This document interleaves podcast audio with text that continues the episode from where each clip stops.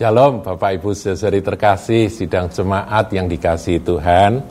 Saudaraku dalam suara gembala kali ini saya akan angkat satu ayat dari Amsal 18 ayatnya yang ke 17 ya Amsal 18 ayat 17. Saya bacakan demikian bunyi firman Tuhan.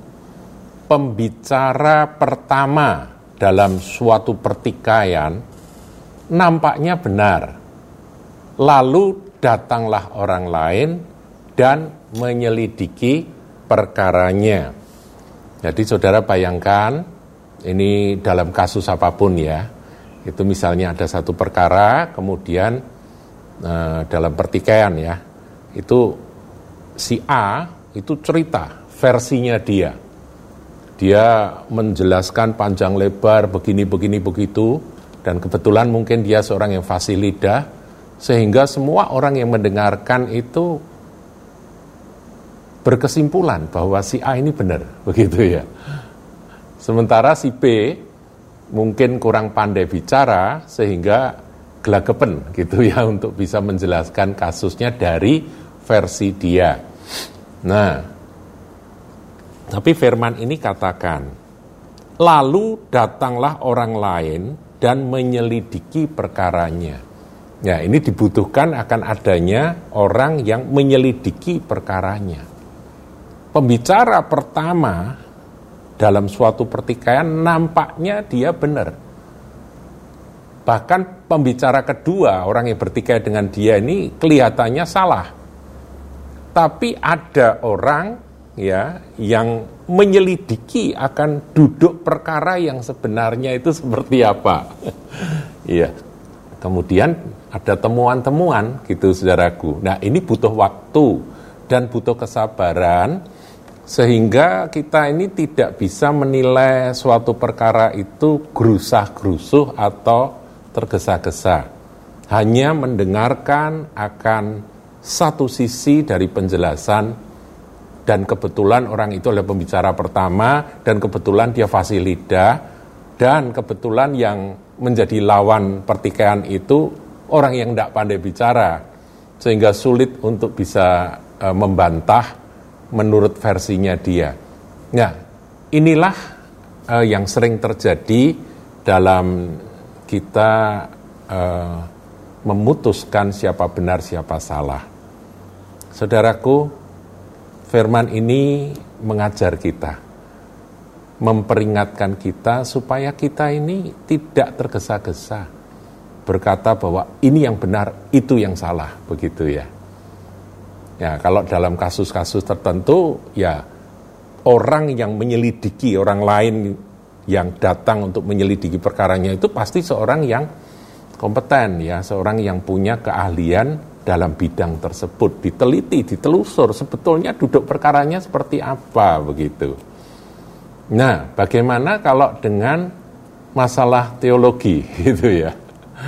Ini juga sama saudaraku, cuma dalam urusan teologi, urusan kebenaran firman, itu kita ini kan punya roh kudus. Nah roh kudus itu yang membuat kita sabar, tidak tergesa-gesa, dan kita eh, tentunya punya kepekaan yang sifatnya supernatural yang dari Roh Kudus di dalam memutuskan satu perkara pandangan teologi ini benar atau salah. Pendapat ini benar atau salah? Jangan hanya terpukau oleh pembicara pertama yang kelihatannya uh, fasih lidah dan bisa menjelaskan dengan begitu hebat. Sementara lawan bicaranya itu tidak secanggih yang pertama begitu ya saudara. Saya ulangi ya, pembicara pertama dalam suatu pertikaian nampaknya benar. Lalu datanglah orang lain dan menyelidiki perkaranya. Saya ingat saudaraku ya, ini masih dalam kasus uh, nggak boleh pakai nama Allah ya ada kelompok yang menyatakan bahwa kita nggak boleh pakai nama Allah karena itu adalah uh, Tuhannya agama lain begitu ya. Kemudian kita harus kembali kepada nama Yahweh begitu ya. dan sebagainya dan sebagainya ini sebetulnya kalau saya flashback ya tahun 1999 yang pertama kali uh, mengundang teori tersebut adalah Kahal, saudaraku ya. Jadi pada waktu itu ada seorang hamba Tuhan dari Jakarta namanya Dr. Suradi.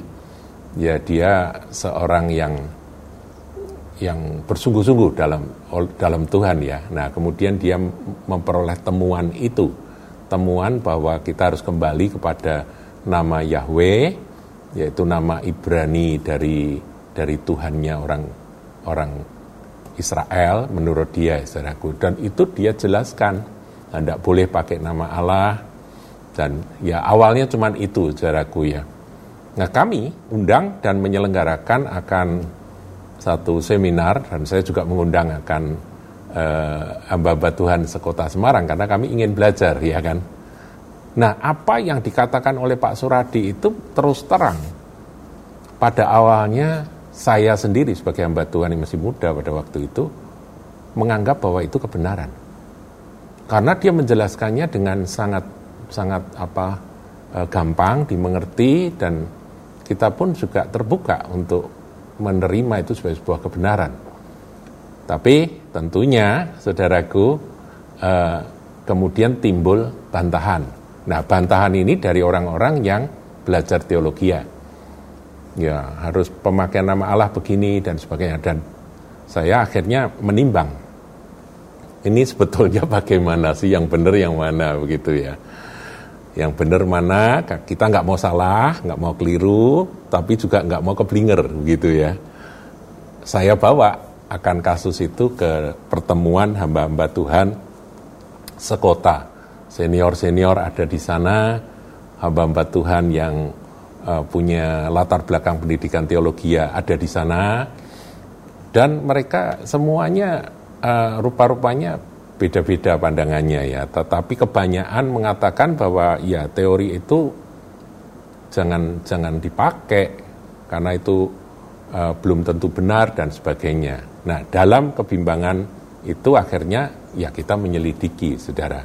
Sebetulnya yang benar itu yang mana. Dan kemudian sampai akhirnya mengundang akan uh, ini hamba Tuhan yang cukup senior saudaraku ya yaitu uh, Jeff Hammond ya Reverend Jeff Hammond seorang hamba Tuhan dari Australia yang dulunya namanya Jeff Harvey kemudian namanya ganti Jeff Hammond. Kemudian Pak Jeff ini yang menjelaskan dan dia ngajak seorang ini seorang Arab asli yang mengatakan bahwa di gereja-gereja Timur Tengah itu penggunaan nama Allah itu no problem karena itu memang sudah dipakai sebelum zaman Islam begitu ya. Itu saya masih ingat sekali karena saya jadi salah seorang panelis ya di itu panel diskusi itu. Nah tentunya ada kelompok dari saudara-saudari yang yang memakai nama Yahweh itu mereka marah-marah ya di situ saya masih ingat mereka katakan mengapa begini? Jadi mereka nggak mau dengerin akan penjelasan dari Pak Jeff.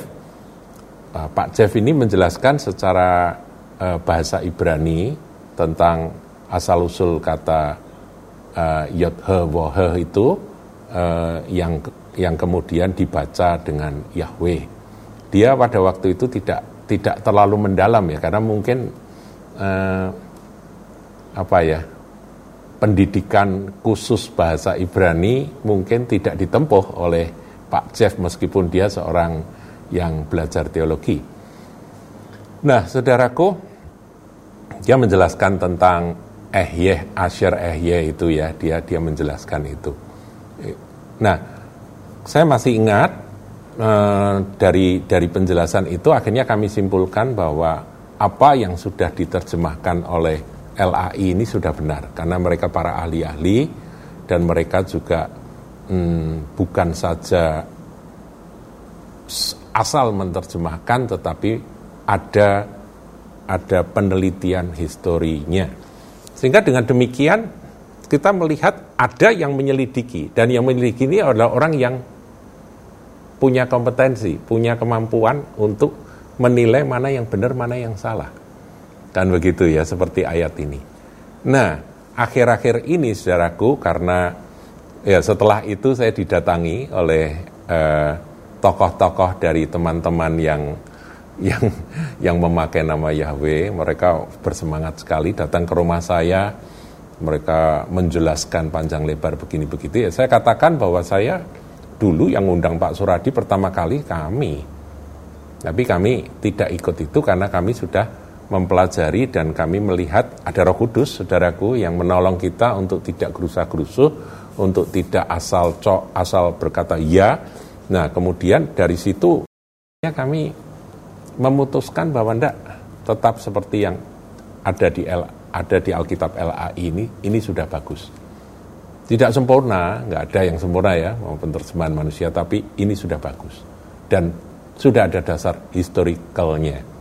Nah, kemudian muncul akan Pak Bambang Nursena yang menjelaskan dari versinya, penjelasannya, makin jelas, saudara, bahwa ternyata, wah ini menjadi satu satu kelompok sektarian. Dan saya melihat kecenderungan itu makin lama makin ekstrim lah mereka dan akhirnya mereka uh, makin lama makin aneh-aneh begitu ya.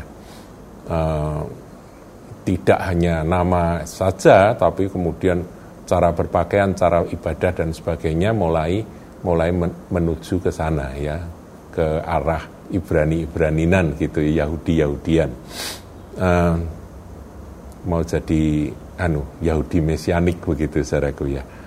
Ya kami sih tidak terlalu memasalahkan toh orang bebas ya mau suka yang mana bebas. Cuman ketika dikatakan bahwa yang kami anut ini salah, ya kami harus mempertahankan diri.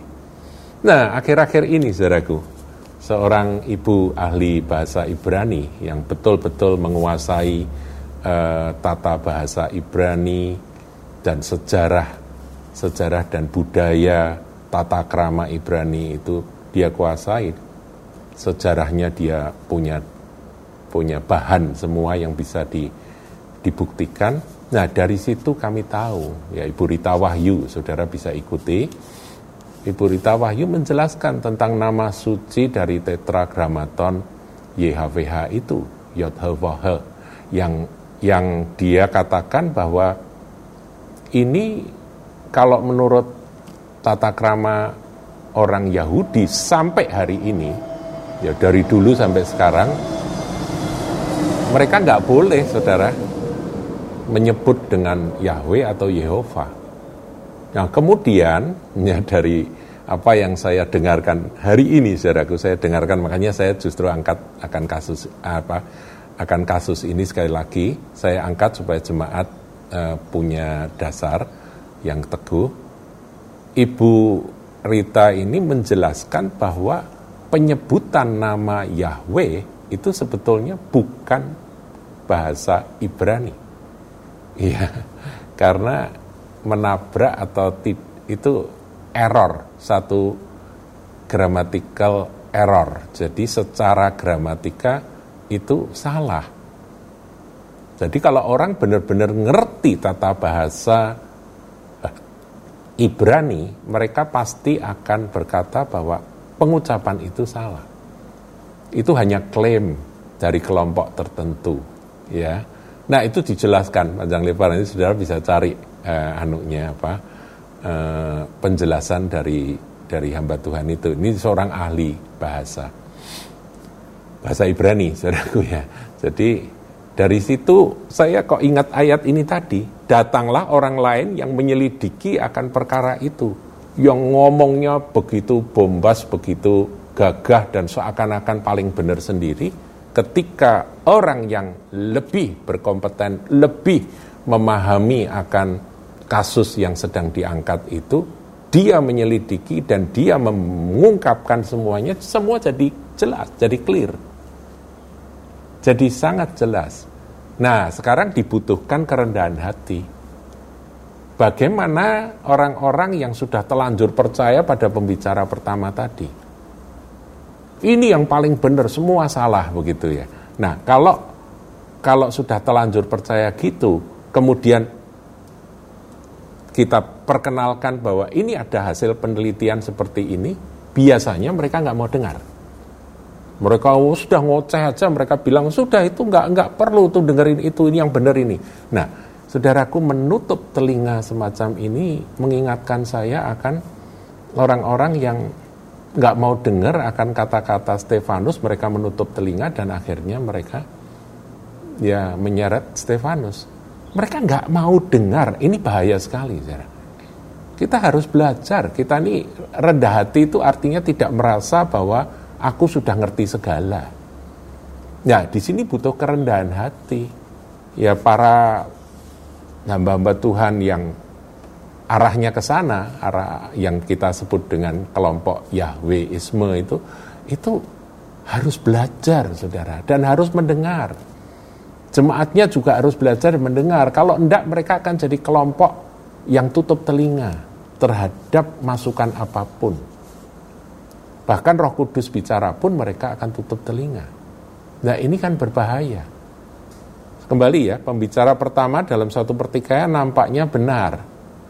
Lalu datanglah orang lain yang punya kemampuan, yang punya keahlian, dan menyelidiki perkaranya. Nah ketika itu diungkapkan semuanya jadi jelas. Oh seperti ini toh ternyata seharusnya begini, tidak seperti apa yang dijelaskan oleh pembicara pertama tadi. Nah, bagi Anda yang mungkin uh, sempat mendengar akan uh, apa yang saya sampaikan ini dan Anda sempat goyah, cobalah saudara. Dengerin dulu, dengerin dulu, pelajari dulu. Itu menyebut nama ya Yahweh itu saja sebetulnya sudah keliru. Itu bukan kosakata Ibrani bukan pelafalan Ibrani. Yehova juga dikatakan ya tata krama nggak boleh saudaraku ya. Mereka kalau ketemu ketemu tetragramaton Yod ya mereka harusnya mengucapkan dengan Adonai atau Hashem atau apalagi yang kudus gitu ya. Jadi belajar tambah pinter seharusnya begitu. Tapi kalau sudah kadung, kemudian menutup diri, ya sudah nggak bisa terima masukan. Ya di sinilah uh, iblis itu sorak-sorai. Perpecahan terjadi dan ayo terus-terus. Nah, ketika Roh Kudus memakai akan ini, orang yang datang menyelidiki yang punya keahlian ini menyampaikan, satu-satunya cara adalah tutup telingamu, jangan dengerin itu penyesat semua. Ya, repot saudaraku kalau demikian. Haleluya.